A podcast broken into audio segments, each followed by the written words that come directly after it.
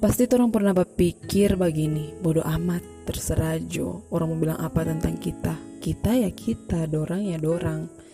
Mar sebenarnya dalam Alkitab di Matius 5 ayatnya yang ke-16 kalau orang boleh membaca ataupun orang boleh mendengar sekarang berbunyi begini.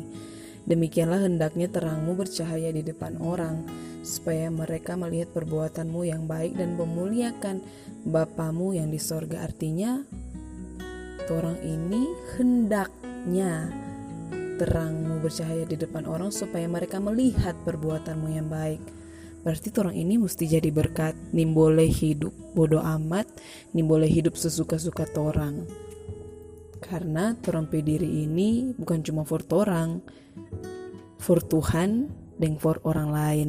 Jadilah berkat, jadilah terang, agar nama Tuhan senantiasa dipuji dan dipermuliakan atas orang hidup. Tuhan Yesus memberkati bagi orang semua yang telah mendengarkan podcast yang singkat dari House of Prayer. Terima kasih. Haleluya. Puji Tuhan.